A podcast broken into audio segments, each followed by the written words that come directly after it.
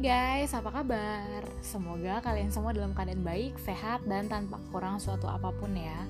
Senang banget akhirnya aku bisa balik lagi buat sharing ke kalian dengan ngeblog dan ngepodcast di edisi Maret 2020 ini. Belakangan ini dunia sedang dilanda kepanikan dan kekhawatiran ya guys. Yes, seperti yang kita semua udah tahu, pandemi COVID-19 ini semakin meluas dan mengkhawatirkan sudah lebih dari 125 negara di seluruh dunia terimbas dan terpapar COVID-19 ini. Aku pribadi sangat khawatir dengan pandemi yang sedang terjadi ini ya. Uh, gak nyangka bahwa Indonesia pun akhirnya terimbas. Awalnya bermula di Wuhan, China, beberapa negara mungkin tidak pernah beranggapan bahwa pandemi ini akan terus menginfeksi banyak orang, bahkan sampai ke negara-negara di luar China hingga ke Italia, Iran, Amerika, Kanada, Inggris, Prancis, Jerman, Australia, Swiss, Jepang, Korea Selatan, Singapura, Indonesia, India, what else? Banyak banget. Well, di sini aku gak mau menambah kekhawatiran kalian dengan menceritakan berita-berita buruk yang belum jelas kebenarannya atau menjelaskan apa-apa aja yang harus kalian lakukan untuk terhindar dari paparan virus ini karena aku yakin banget kalian semua sudah well informed dari berbagai media tentang metode preventif agar tidak terkena dampak virus ini. Intinya sih ya jaga kebersihan diri, imunitas tubuh dan lakukan physical distancing let us use phrase physical distancing instead of social distancing ya uh, sis and bro. Karena emang tujuannya bukan menjauhkan hubungan sosial antar manusia kok. Secara manusia kan makhluk sosial dan gak bakalan bisa gak bersosialisasi juga. Tapi lebih untuk menjauhkan kedekatan fisik sementara antara manusia dengan manusia lainnya minimal dengan jarak 1 hingga 2 meter semua di sini juga udah pasti well informed ya tentang kenapa sih kita harus mempraktekkan physical distancing tadi. Yap, supaya penyebaran virus bisa ditekan dan kita bisa sama-sama flatten the curve sehingga pandemi ini bisa cepat berlalu dengan jumlah korban yang lebih sedikit dan semua bisa mendapat perawatan maksimal di rumah sakit. Jangan sampai banyak korban sakit tidak sebanding dengan kemampuan daya tampung rumah sakit atau fasilitas kesehatan yang ada. We need to flatten the curve and minimize this pandemic effect well gimana ceritanya kita bisa jauh-jauhan sama manusia lain coba ya kan? Susah sih ya yang pasti asli lah apalagi buat millennials extrovert kayak kita kita gini gitu kan. Nggak boleh ngantor dulu nggak boleh ngampus atau nggak boleh sekolah dulu nggak boleh ngejim dulu nggak boleh nongkrong makan-makan dulu puasa traveling dulu gak bisa seminar atau mingle-mingle dulu gak bisa nyalon dulu dilarang hangout dan belanja-belanja dulu. Waduh itu sulit banget sih ya. But, but we we need to do that temporarily to save our life and others life. This is important guys. Aku gak mau denger ada pembaca blog atau pendengar podcastku nih ya yang masih ngeyel keluyuran gak perlu di masa-masa kayak gini. You guys all are incredible and smart enough to understand the importance to be stay at home on this very difficult situation di rumah aja dulu dan lakukan self quarantine ya. Cuma itu yang bisa kita lakukan untuk memperkecil dampak dari pandemi ini. Kasihan sama tenaga medis kan yang udah kewalahan buat kerja pagi, siang, malam di rumah sakit demi kalian. So please stay at home. Nah, the next question is how to be still productive when in self quarantine. Banyak banget anak-anak muda yang kalau udah di rumah keluar bakat aslinya, gengs, yakni mager dan doyan rebahan. Gak apa-apa sih sebenarnya.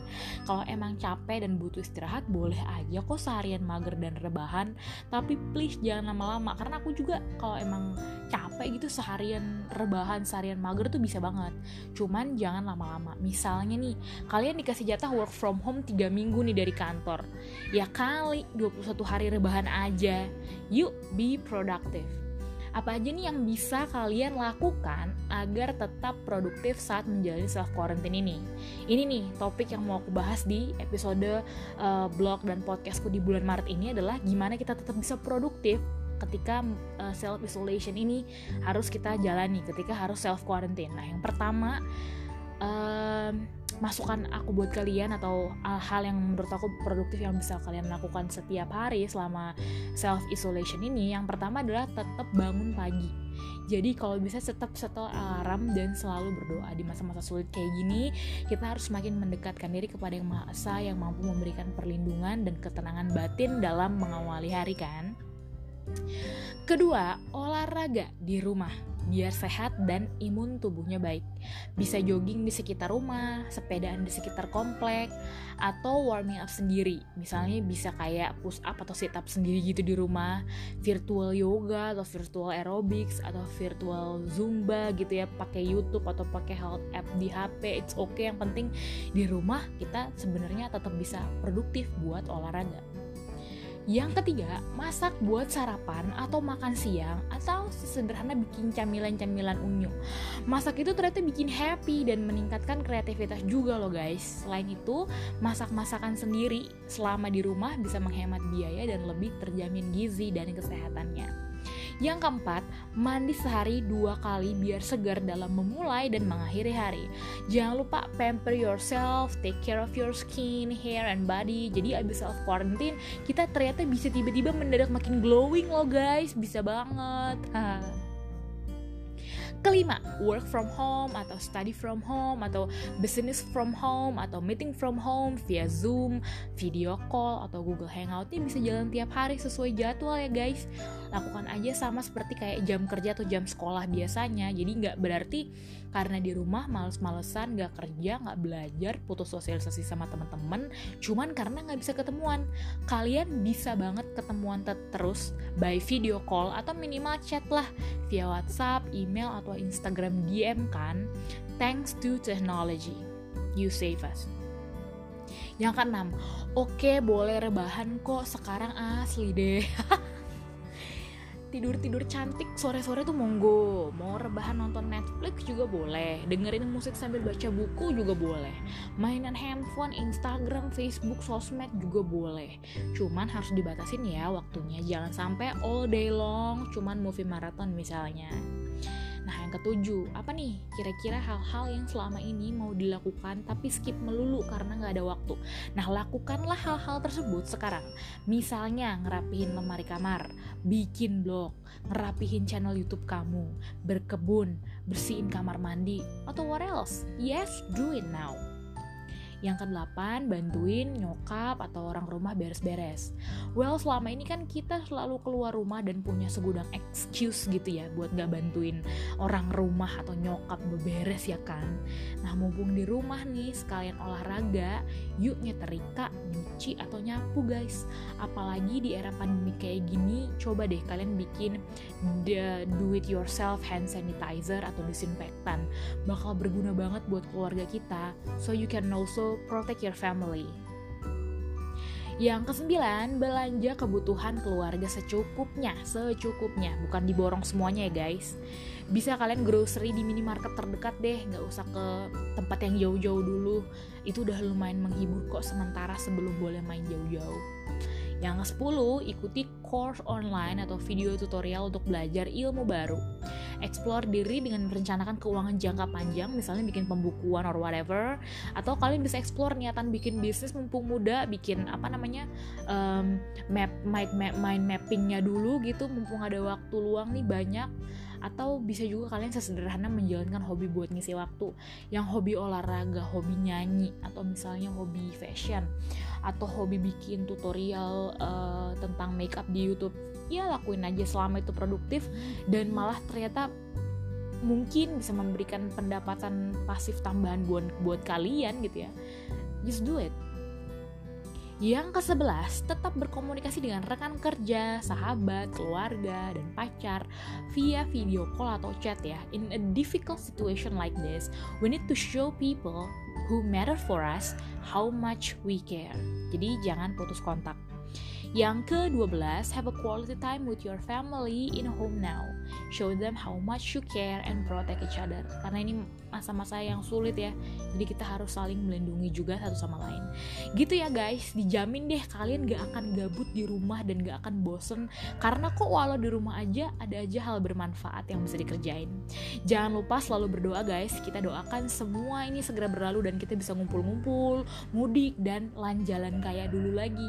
Mau online shopping? Monggo. mau beli makanan delivery sok atau jangan lupa yang penting untuk menyisihkan rezeki kita semampu kita yang kita suka rela aja untuk membantu sesama di masa-masa sulit ini. No matter how small, believe that small kindness makes big difference, apalagi di situasi yang kayak gini. Thank you guys. Please stay safe everyone. Selalu waspada dan gak usah panik ya. We have to believe this too shall pass. Kita ketemu lagi ya April dengan konten yang baru bulan depan. Harapannya bulan depan kita udah bisa kembali ke rutinitas normal. Amin. Jadi kita gak usah ngebahas tentang covid-covid lagi mudah-mudahan ya di konten bulan depan. Thank you thank you so much kalian udah dengerin. Jaga kesehatan. God bless you all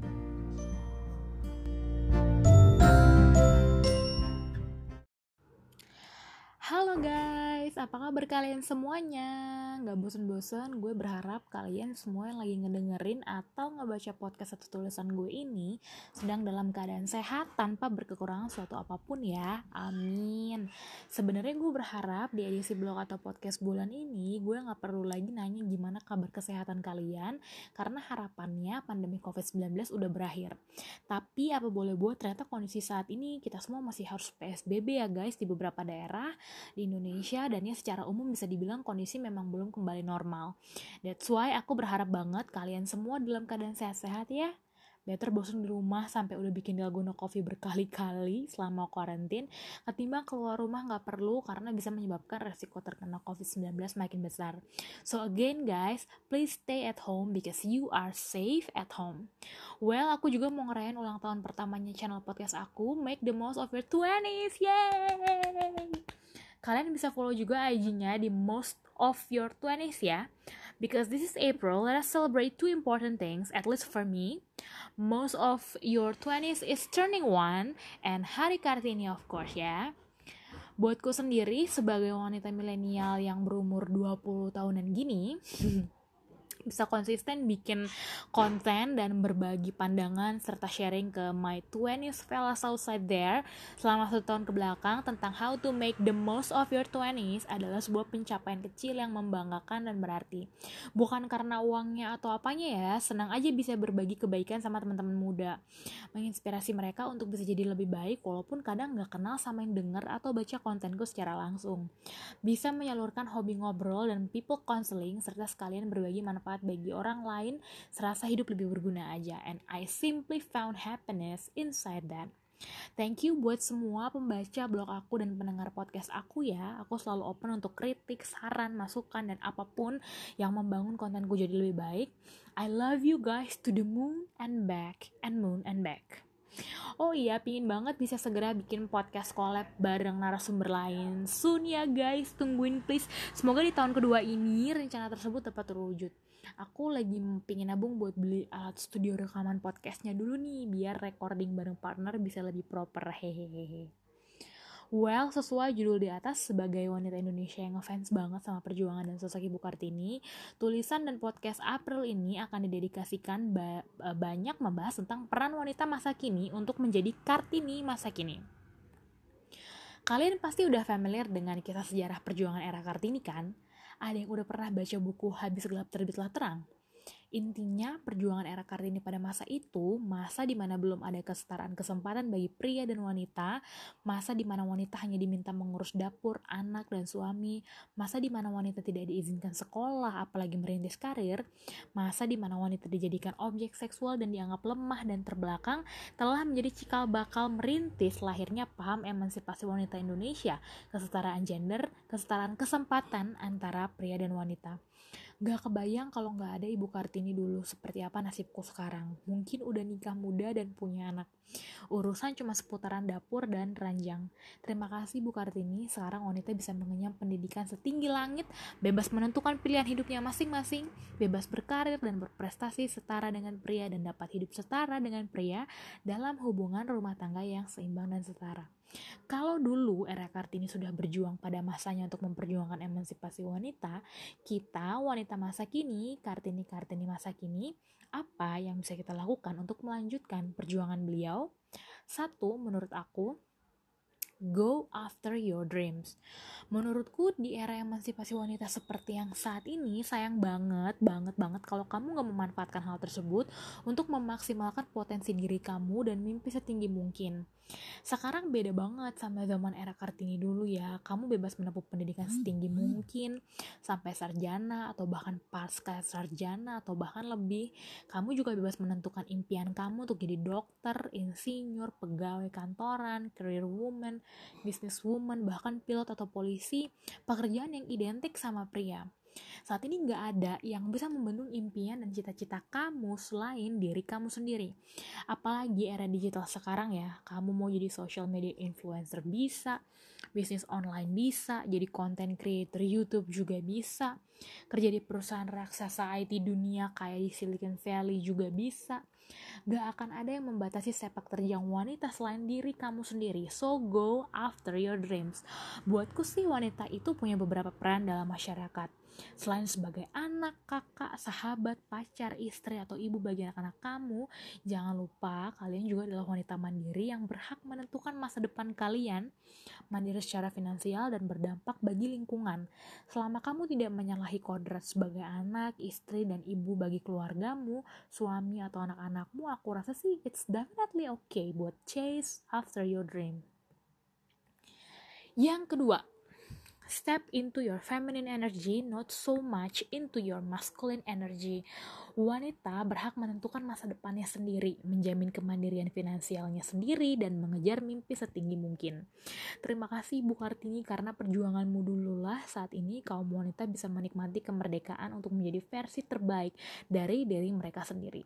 Tapi, tapi, tapi, jangan salah ya girl, tetaplah ingat kodrat kita sebagai wanita banyak wanita masa kini sukses dalam pencapaian sekolah dan karir dengan mengandalkan masculine side dari diri mereka. Yap, setiap manusia memiliki energi maskulin dan feminin baik untuk pria dan wanita. Energi untuk pantang menyerah, mengejar sesuatu, bekerja keras, dan selalu ingin menjadi yang terbaik adalah bagian dari masculine trait setiap orang. Gak heran kenapa wanita-wanita yang sukses dalam studi atau karir mengandalkan masculine side dari diri mereka dan terkadang melupakan untuk tetap berada pada feminine side mereka untuk bisa menjalin hubungan yang lebih baik dengan keluarga, sahabat, dan pasangan. Feminine energi itu adalah energi yang pasif ya lebih pasif. Kesediaan menerima mengalah merespon menyayangi merawat dan nurturing. Berkebalikan dengan maskulin energi tadi. Jadi sebagai wanita modern kita harus pintar-pintar memposisikan diri kapan kita step up into our feminine energy dan kapan harus lebih dominan atau maskulin. Yang ketiga be a woman that man needs. Menurutku Sukses bagi seorang wanita adalah saat mereka mampu menyeimbangkan kesuksesan dalam studi atau karir dengan kesuksesan mereka dalam membangun hubungan dengan orang lain, dengan keluarga, dengan pasangan, membangun rumah tangga yang baik dan membesarkan anak-anak mereka. Ya, sukses dalam berbagai peran sebagai wanita seutuhnya. Jadi, berbagai peran dalam porsinya sebagai wanita, baik dalam perannya sebagai uh, istri, anak, dan ibu juga dalam perannya sebagai warga negara dan warga bumi yang baik untuk berkontribusi bagi kebaikan bangsa dan negara lewat karya dan konsistensi pekerjaan mereka. Kita bisa menjadi lady boss yang tahu kapan harus tegas dan cerdas, kapan harus menjadi pemimpin yang penuh kasih sayang dan bijaksana, khas energi feminin wanita. Jadilah wanita yang dibutuhkan dan mampu menyeimbangkan energi feminin, less dominant dalam hubungan uh, rumah tangga, percintaan, dan keluarga, serta tahu kapan masculine traits harus dioptimalisasi dalam menuju kesuksesan studi, karir, proyek, dan bisnis kalian. Menurutku sih, setiap manusia harus memiliki semangat untuk selalu menjadi yang terbaik dan kompetitif dalam artian yang positif, sehingga kehidupannya dapat terus progresif dan maju. That's why it will be perfect if woman can step up both into her feminine and masculine energy. Gak ada formula yang bilang bahwa wanita karir tidak akan bisa membangun rumah tangga yang baik. Nggak ada juga yang bilang bahwa ibu rumah tangga pasti akan sukses membesarkan anak-anak dan mengurus rumah tangga. Selama kita sebagai wanita mau selalu belajar dan tahu kapan harus menjadi wanita nurturing dan less dominan, serta kapan kita harus lebih maskulin dan berani mengambil keputusan, aku rasa kita sebagai wanita pasti bisa memberikan yang terbaik dalam porsi kita sebagai wanita pekerja, businesswoman yang memimpin karyawan kita, serta sekaligus menjadi istri dan ibu yang luar biasa. Be a woman that man needs, cerdas, kreatif, cekatan, serta lovable dan penyayang, menurutku itulah definisi Kartini masa kini. Menurut kalian gimana? See you guys soon ya di blog dan podcast edisi Mei mendatang. Semoga kalian sehat terus dan kita bisa sama-sama melalui masa pandemi dengan baik. Thank you for listening to me. Thank you and see you next month. Bye.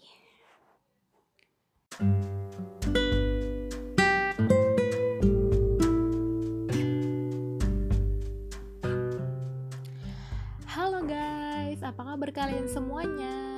Gak bosen-bosen, gue berharap kalian semua yang lagi ngedengerin atau ngebaca podcast atau tulisan gue ini sedang dalam keadaan sehat tanpa berkekurangan suatu apa pun ya. Amin. Sebenarnya gue berharap di edisi blog atau podcast bulan ini gue nggak perlu lagi nanya gimana kabar kesehatan kalian karena harapannya pandemi COVID-19 udah berakhir. Tapi apa boleh buat ternyata kondisi saat ini kita semua masih harus PSBB ya guys di beberapa daerah di Indonesia dan ya secara umum bisa dibilang kondisi memang belum kembali normal. That's why aku berharap banget kalian semua dalam keadaan sehat-sehat ya better bosan di rumah sampai udah bikin dalgona coffee berkali-kali selama karantin ketimbang keluar rumah nggak perlu karena bisa menyebabkan resiko terkena COVID-19 makin besar. So again guys, please stay at home because you are safe at home. Well, aku juga mau ngerayain ulang tahun pertamanya channel podcast aku, Make the Most of Your 20s, yay! Kalian bisa follow juga IG-nya di Most of Your 20s ya. Because this is April, let us celebrate two important things, at least for me. Most of your 20s is turning one, and Hari Kartini of course ya. Buatku sendiri sebagai wanita milenial yang berumur 20 tahunan gini, bisa konsisten bikin konten dan berbagi pandangan serta sharing ke my 20s fellas outside there.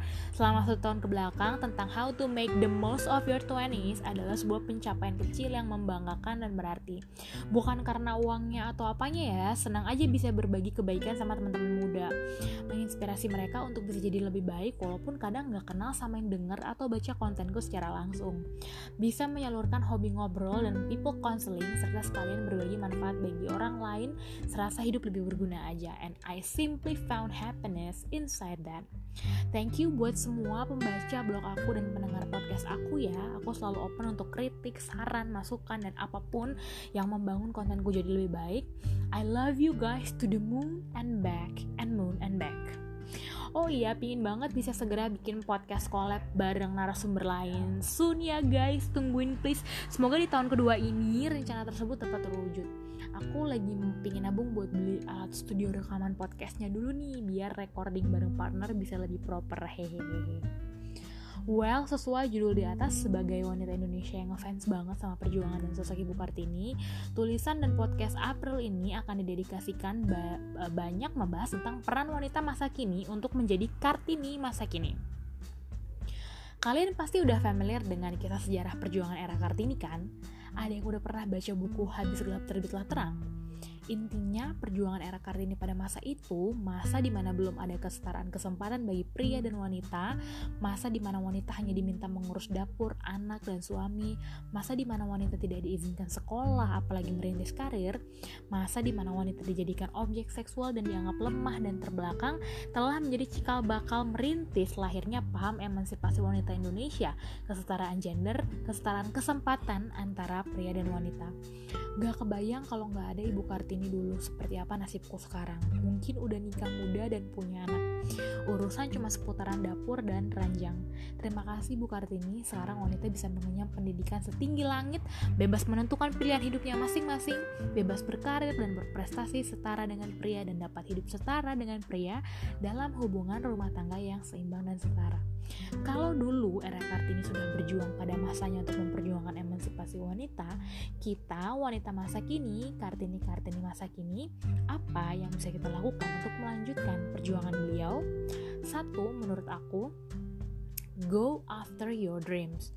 Menurutku di era emansipasi wanita seperti yang saat ini sayang banget, banget banget kalau kamu gak memanfaatkan hal tersebut untuk memaksimalkan potensi diri kamu dan mimpi setinggi mungkin.